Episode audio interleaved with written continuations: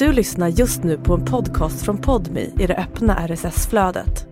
För att få tillgång till Podmis alla premiumpoddar helt utan reklam, prova Podmi Premium kostnadsfritt. Ladda ner appen i App Store eller Google Play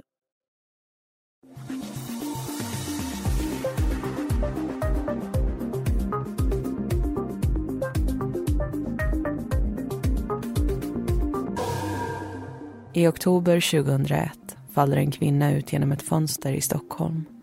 Ambulans är på plats inom några minuter, men kvinnans liv går inte att rädda. I bostadshuset är det mörkt, men i ett fönster, på sjunde våningen, lyser det. Snart knackar polisen på en lägenhetsdörr. En man blir utfrågad och får följa med dem till stationen. Han säger sig inte veta någonting om det som hänt. Men misstankar om mord har redan börjat gro. De ska snart växa till ett åtal. Fallet kommer tas upp i både tings och hovrätten med samma utgång. Frågan är om de slutsatser som dras är riktiga.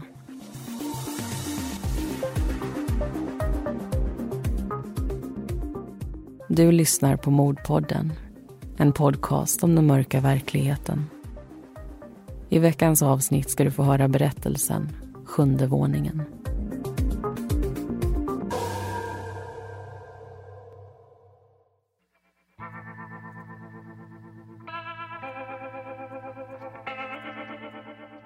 I slutet av januari 2002 kliver flera människor över tröskeln till en av salarna i Sollentuna tingsrätt. Ärendet som ska avhandlas rör en 45-årig kvinnas död, Silja, som några månader tidigare föll från ett fönster i sin bostad i Jakobsberg. Enligt åklagaren var det ingen olycka, utan ett planerat dåd. På andra sidan salen sitter den skyldiga, Siljas 46-åriga sambo, Ari. Det är i alla fall vad åklagaren hoppas kunna bevisa. Under huvudförhandlingens gång får domarna veta att både Ari och Silja hade alkoholproblem. Ett missbruk som varat sedan de båda var unga och som nu satt sina spår på deras hälsa.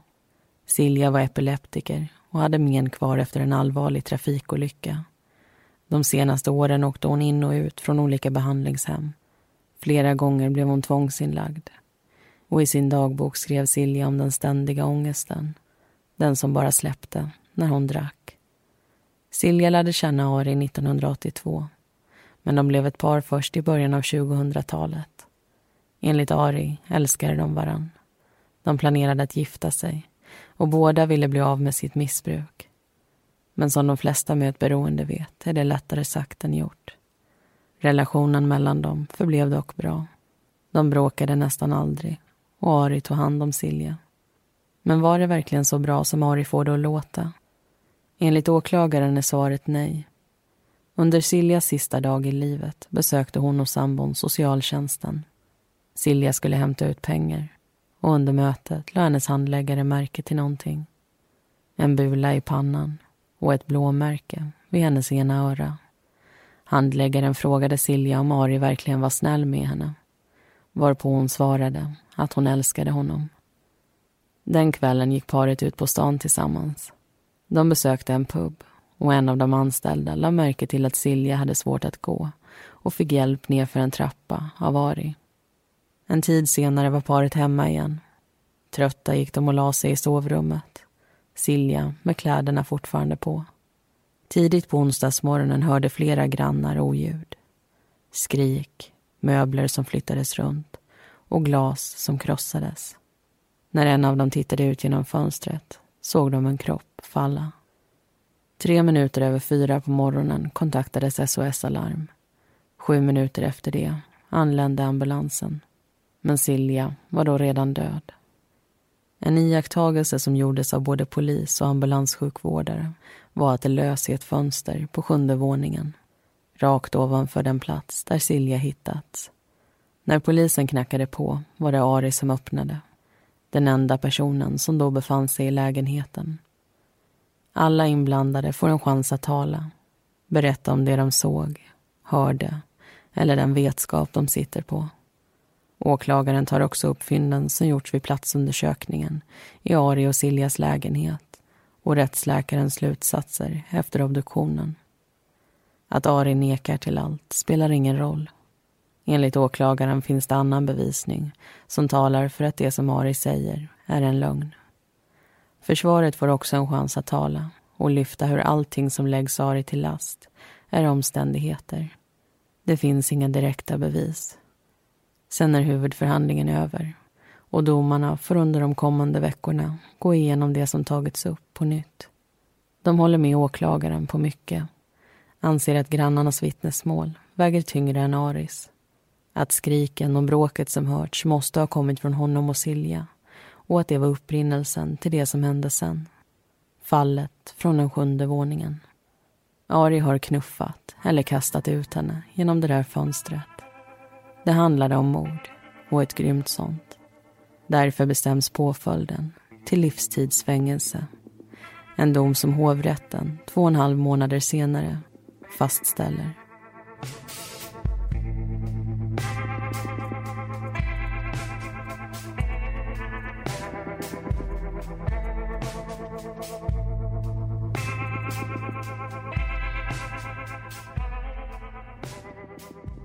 Då har det blivit dags för den första diskussionen.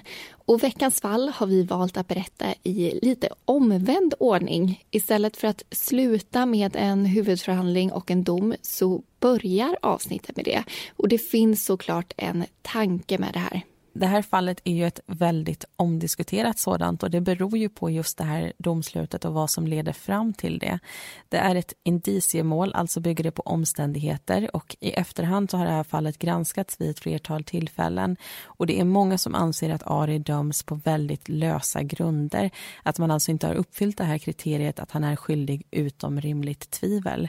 Och därför vill vi börja med slutet och sen backa bandet och ta det från början så att ni som lyssnar själva kan försöka skapa er en uppfattning kring eh, huruvida utredningen och domslutet kommit till rätt eller fel slutsats. Och eftersom vi kommit en bit på vägen så finns det redan en hel del att diskutera. Och jag tänkte att vi ska börja med Ari och Silja. Båda föds i Finland och kommer till Sverige i tonåren. Silja är 13 år när hon kommer hit och Ari lite äldre, nämligen 17 år. Ari bosätter sig i Västerås där han också får jobb.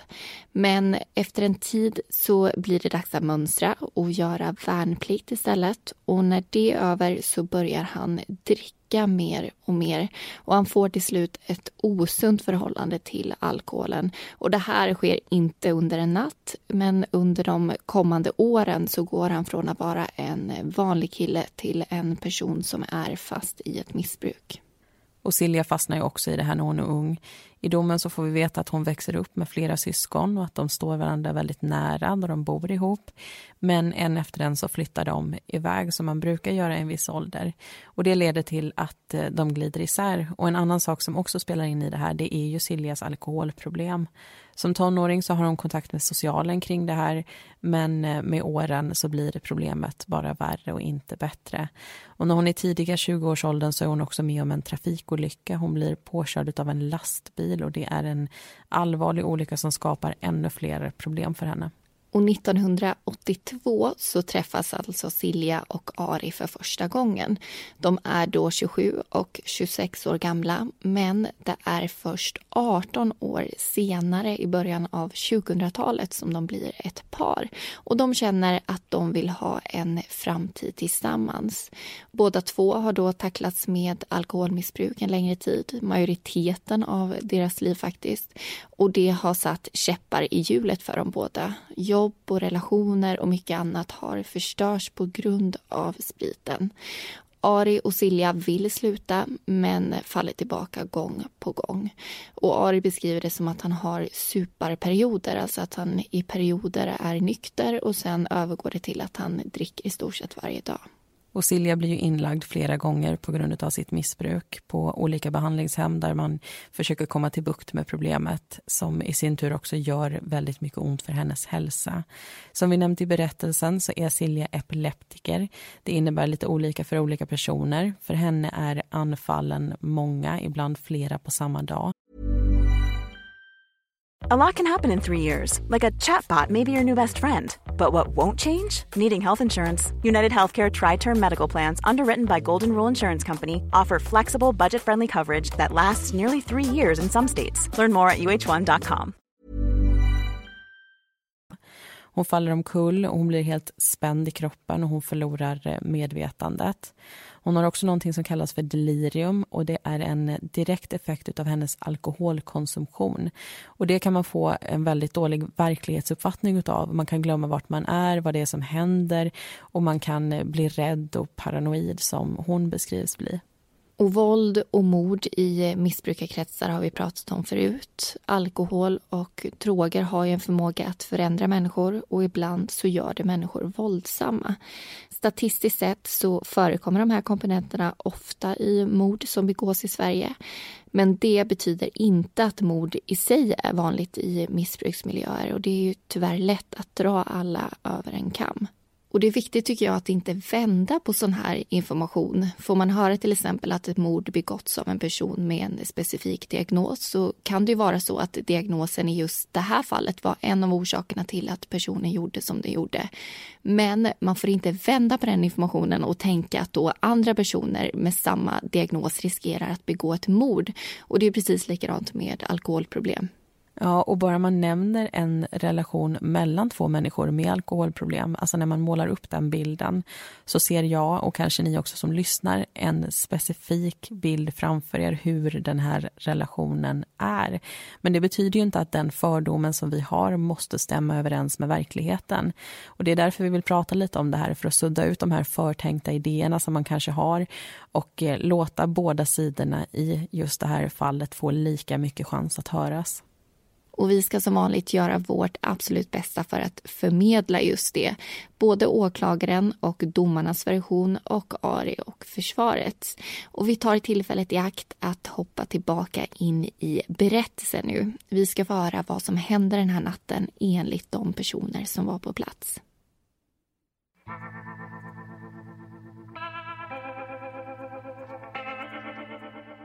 Tidigt på morgonen den 31 oktober 2001 går ett larm till en av Stockholms många ambulansstyrkor. Sjukvårdarna får veta att en person fallit från en byggnad i Jakobsberg och fordonet styrs omedelbart i den riktningen. Sju minuter senare har kollegorna anlänt. De hoppar ur ambulansen och ser sig om.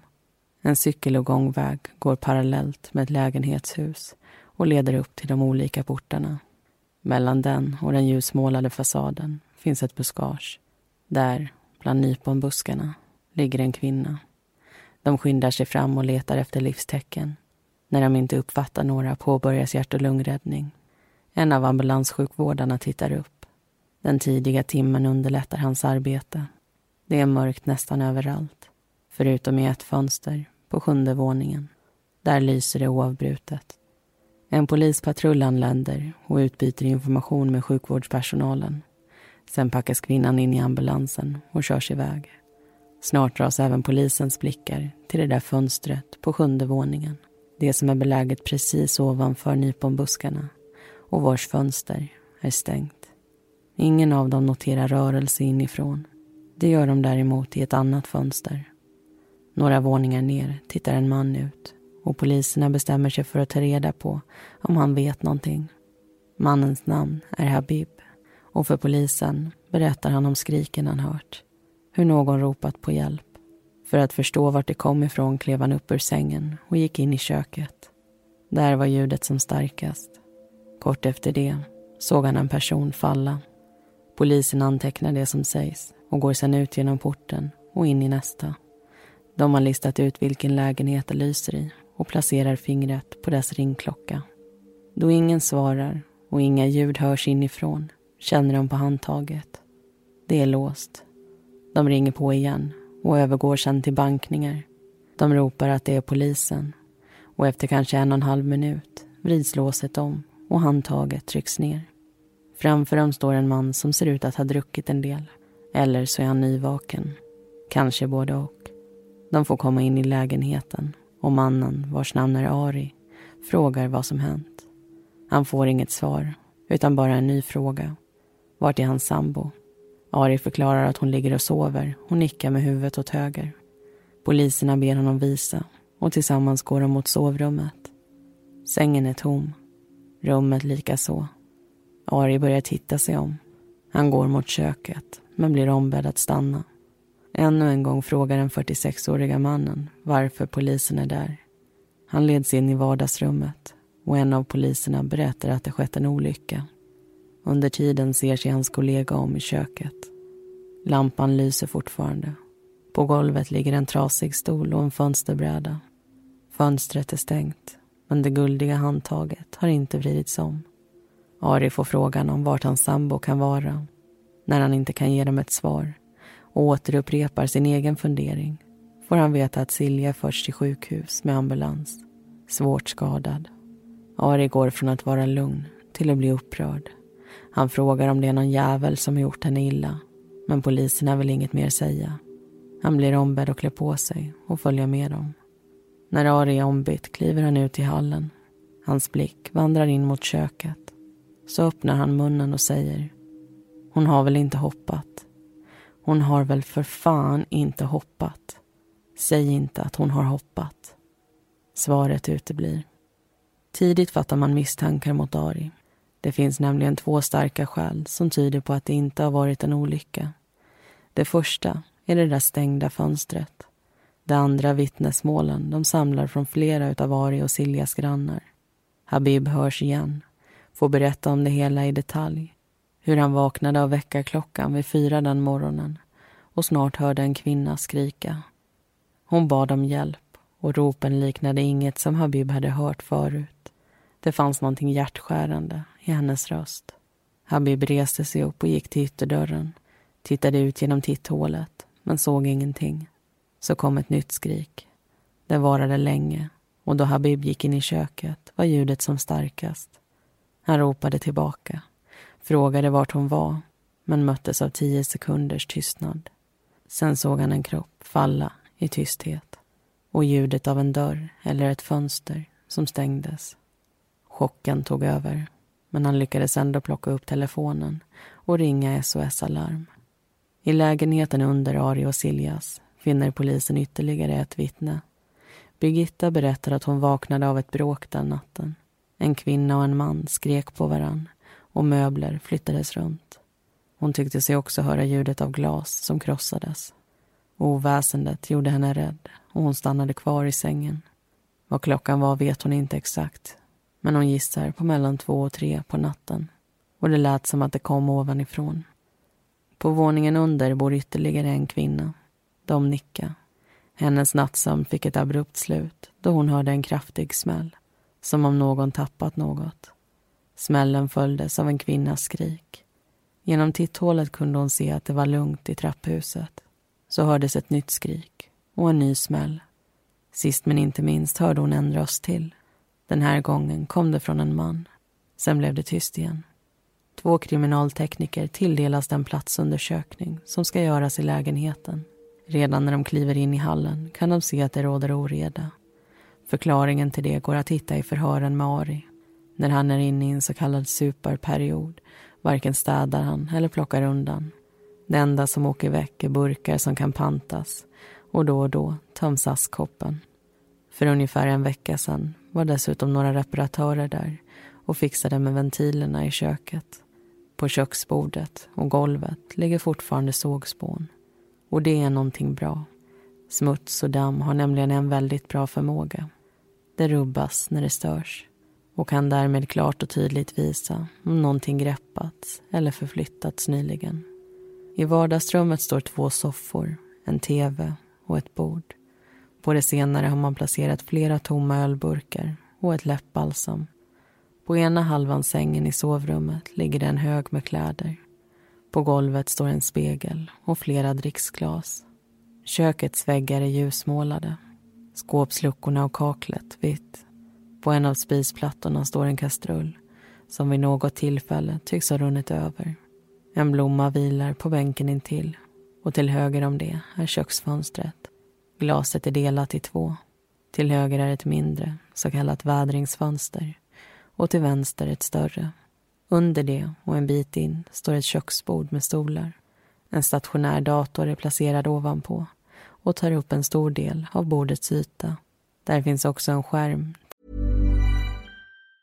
A lot can happen in three years, like a chatbot may be your new best friend. But what won't change? Needing health insurance. United Healthcare Tri Term Medical Plans, underwritten by Golden Rule Insurance Company, offer flexible, budget friendly coverage that lasts nearly three years in some states. Learn more at uh1.com.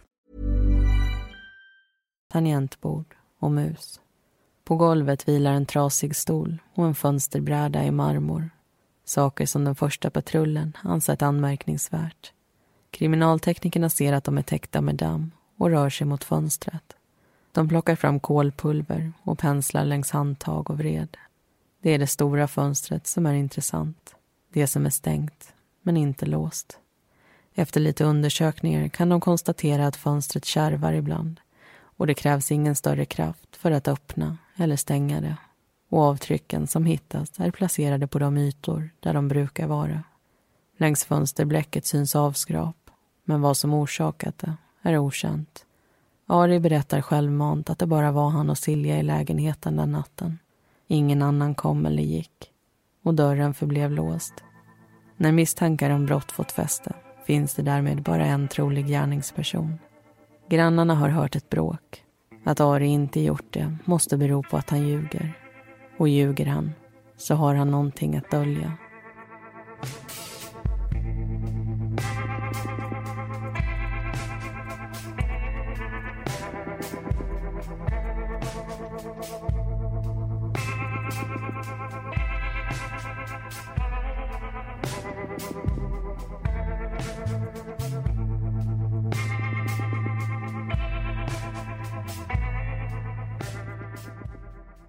Det blivit dags för en ny diskussion och vi har en hel del att gå igenom.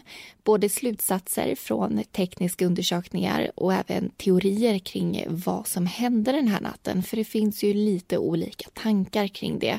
Men vi börjar med det första. Vi har ju fått höra vad kriminalteknikerna ser när de kliver in i Ari och Siljas lägenhet. Men frågan är vad de olika fynden betyder för utredningen. Mm. Eh, vi kan ju börja prata om oredan i stort. Det ligger ju saker i högar på golvet i den här lägenheten. På ett bord i vardagsrummet så står det ölburkar och det står ett läppbalsam på högkant med mera. Och hade ett fysiskt bråk ägt rum den här natten så hade troligtvis saker trillat eller stötts till och det hittar man inga tecken på att det har gjort. Så precis som dammet är den här stökigheten faktiskt någonting bra. I köket så ligger ju den här trasiga stolen och fönsterbrädan i marmor. Och att polisen får upp ögonen för det under natten, det förstår jag. Det ligger ju intill det fönster som Silja har trillat ut igenom. Och det skulle kunna bevisa en del av händelseförloppet. Men det gör det inte. För båda sakerna har ett lager av damm eller sågspån på sig. Det finns inga högar intill som tyder på att de har flyttats eller tryckts åt någon sida och därmed så borde de ha legat där sedan borrningsarbetet gjordes. Och Silja miste livet tidigt på morgonen den 31 oktober. Och reparationerna i deras kök görs den 23, alltså lite drygt en vecka tidigare. En annan sak man tittar på är fönstret. Man hittar avtryck på de vanliga cellerna där det borde finnas avtryck. Det är inget konstigt att de avtrycken finns där alltså. Men hade ett bråk uppstått och Silja tryckts ut så hade de kanske kunnat hamna på märkliga platser om hon hade försökt att hålla sig kvar eller spjärnat emot på något sätt. Men det hittar man alltså inte. Eh, och jag tyckte det var väldigt intressant och när jag började tänka på vad som skulle kunna, hur det hade kunnat gå till så tänker jag att en förklaring till det här skulle ju kunna vara att hon kanske helt enkelt blev överraskad och blev puttad och inte hann göra något slags motstånd, att det därför inte finns några avtryck på något märkligt ställe. Men det är ju bara en, en tanke som direkt dök upp i i mitt huvud. För avtrycken som man faktiskt hittar hittar, de är inte identifierbara. Och det kanske inte spelar så stor roll eftersom man anser att både offer och gärningsperson är lägenhetsinnehavarna. Alltså så har ju de haft anledning att röra det där fönstret många gånger tidigare. Så det är inte konstigt att de finns där. Och En annan sak som man tittar på det är hur mycket det här fönstret kan ha öppnats. Man kommer ju fram till att det kan inte vara mer än 64 centimeter. För efter det så tar det nämligen emot den mus och det tangentbord som är placerat på köksbordet. Och från sågspånet så kan man se att det inte har hänt så det kan inte ha öppnats mer än just 64 centimeter den här natten. Och polisen de kommer senare göra rekonstruktioner av hur Silja blev knuffad eller kastad ut därifrån.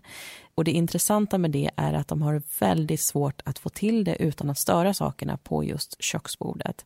Det krävs att personen blir upptryckt mot väggen intill och sen skjuten i sidled fram till och ut genom det här fönstret.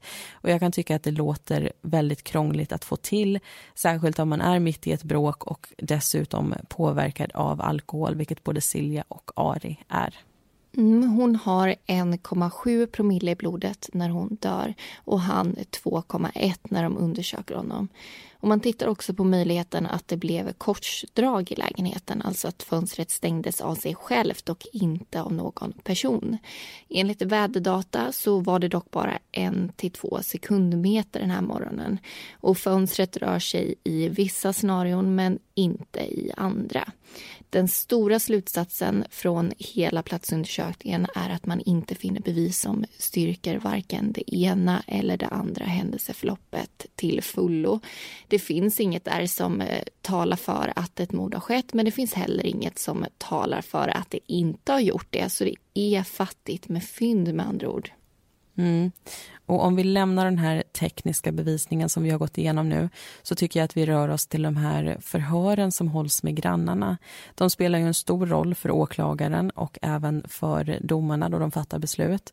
Och det som grannarna säger det står också i motsats till Aris version. För grannarna hör ju bråk och Ari menar att han sov vid den här tiden så det kan inte ha varit han. Och om vi börjar med Habibs vittnesmål. Han hör en kvinna skrika ett flertal gånger, försöker ropa tillbaka och ser sen Silja falla till marken och hör någonting, en dörr eller ett fönster stängas. Dominika vaknar också av de här skriken. Hon ser ingenting men hon hör både en kvinna och en man och också två smällar. Och sen har vi också Birgittas berättelse. Hon är osäker på tiden men hon tror att det här utspelar sig tidigare än de andra säger, runt klockan två eller tre på natten. Eh, medan vi vet att Silja faller från fönstret runt klockan fyra.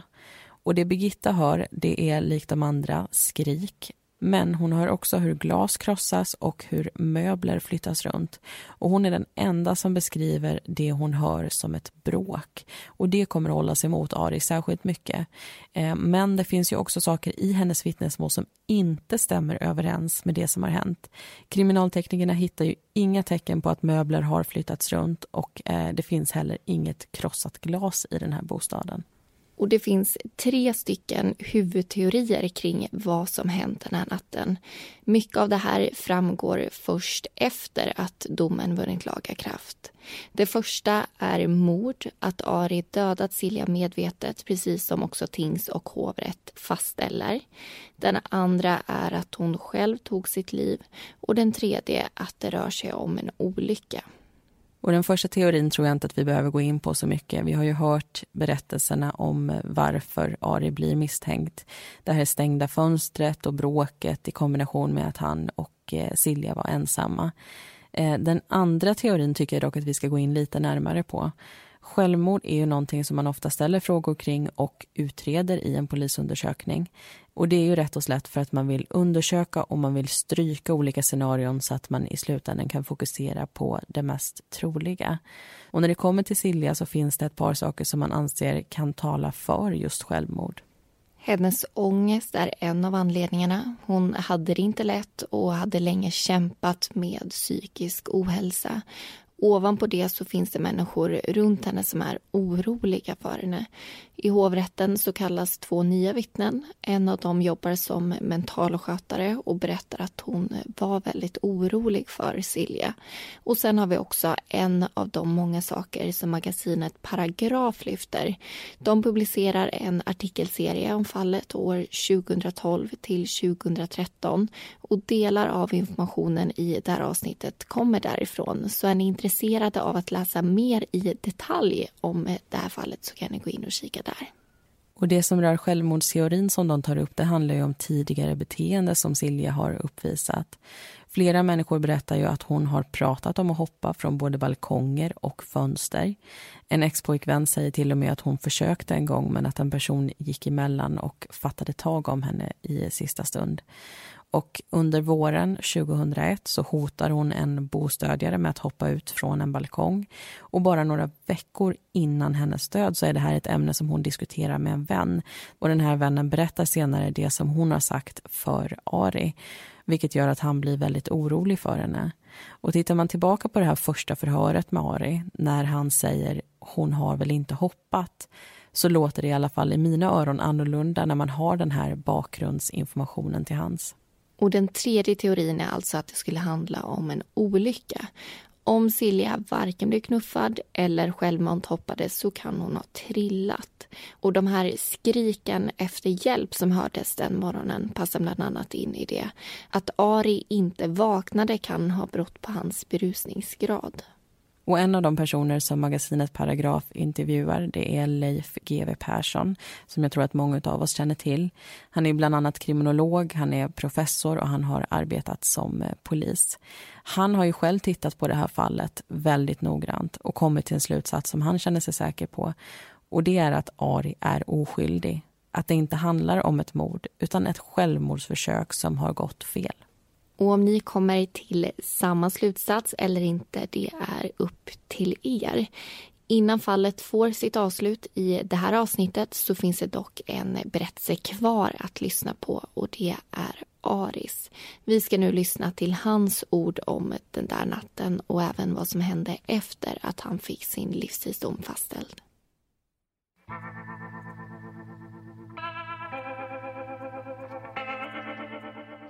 Tisdagen den 30 oktober vaknar Ari och Silja i lägenheten i Jakobsberg. Förmiddagen ska spenderas inomhus tillsammans. Men allt är inte frid och fröjd. Silja får flera epileptiska anfall. På soffan, i hallen, köket och sovrummet. När hon faller omkull i det senare hör Ari en duns. Hon hamnar på mage men tycks ha slagit huvudet i väggen på vägen ner. Hon drabbas också av delirium och springer runt och skriker samtidigt som hon viftar med armarna. Det är inte första gången hennes hälsoproblem yttrar sig och Ari hämtar den medicin han vet hon behöver. När det börjat verka blir Silja lugn igen. Hon lägger sig på en av sofforna i vardagsrummet och Ari bestämmer sig för att gå ut. Han vandrar ner till en butik och köper fem burkar öl och cigaretter. Sen stannar han till hos en av grannarna. När hans egen lägenhetsdörr går upp har han bara tre burkar kvar. De delar han och Silja på. Sen följer hon med honom ut. Hon tycker egentligen inte om att lämna lägenheten. Enda gången hon gör det är när Ari är med henne. Deras utflykter går oftast till affären, posten eller socialtjänstens kontor. Det är det senare de är på väg till nu. Siljas handläggare tycker att hon ser gladare ut än vanligt när hon dyker upp den här dagen. Hon vill ta ut 500 kronor och handläggaren godkänner det och räcker över en check. Han tänker att humöret kanske har att göra med hennes behandling. Men han ser också någonting annat. Hon har en bula i pannan och under ena örat ett blåmärke. Handläggaren misstänker att sambon kan vara orsaken och frågar om Ari verkligen är snäll med henne. Silja svarar att hon älskar honom och Ari själv förklarar att han är en gentleman.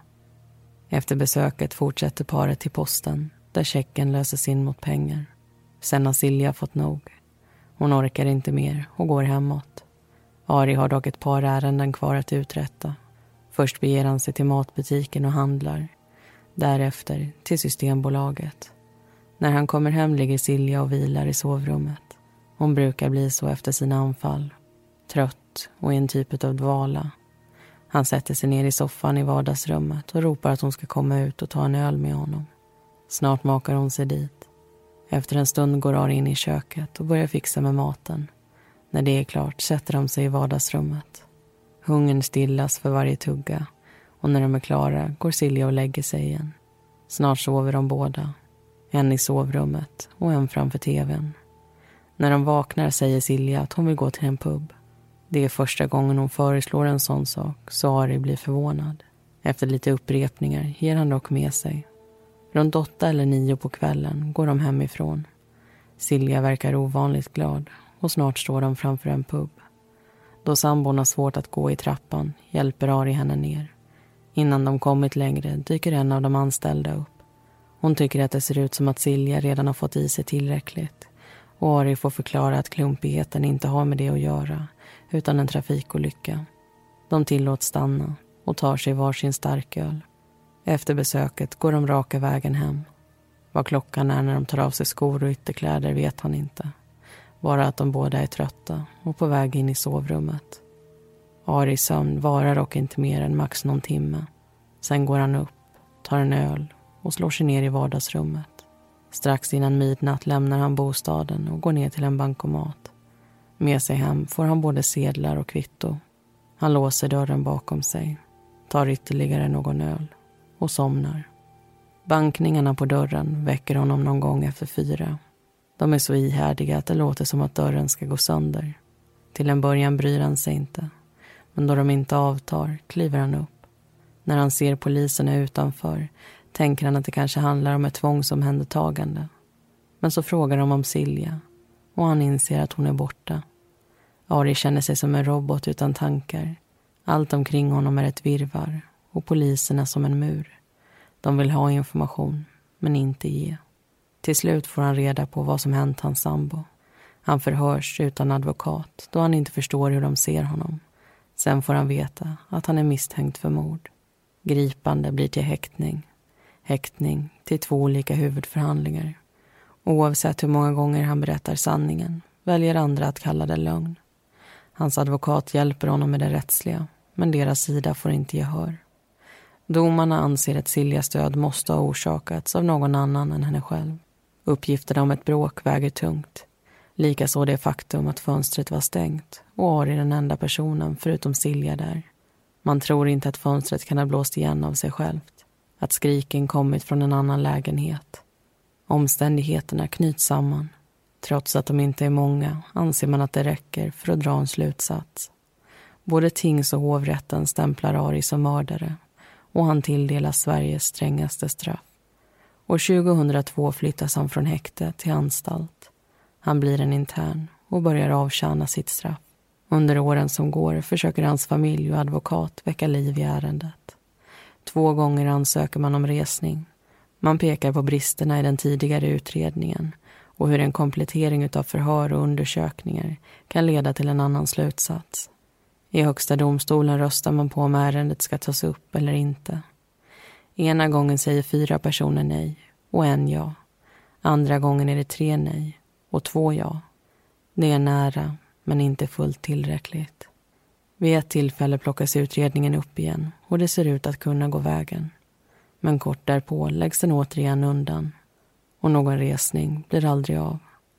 2012 ansöker Ari och hans advokat om att få straffet tidsbestämt. Svaret kommer i oktober. Livstid blir till 21 år. Med villkorlig frigivning betyder det 14 år inom lås och bom. I magasinet Paragraf berättar Ari att han är lättad. Han vill egentligen ha en ny rättegång men han säger också att 21 år är bättre än 36. År 2016 har de där 14 åren passerat. Aris tid innanför murarna är över och han kan återgå till samhället. Frågan är om hans straff var rättfärdigt. Om en mördare satt inlåst som han borde eller om ett mord aldrig begicks. Finns det skäl att tvivla? Enligt ett flertal personer är svaret ja. Och det faktum att Aris skuld kunde ställas utom rimligt tvivel. En tragedi.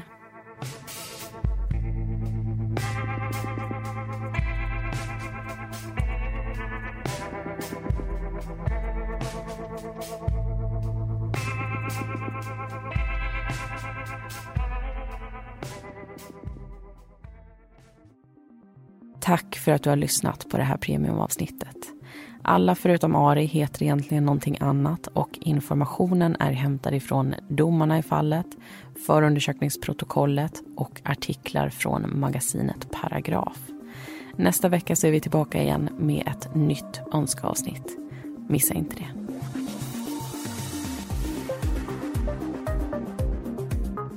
Vi som gör Mordpodden heter Linnea Bolin och Amanda Karlsson.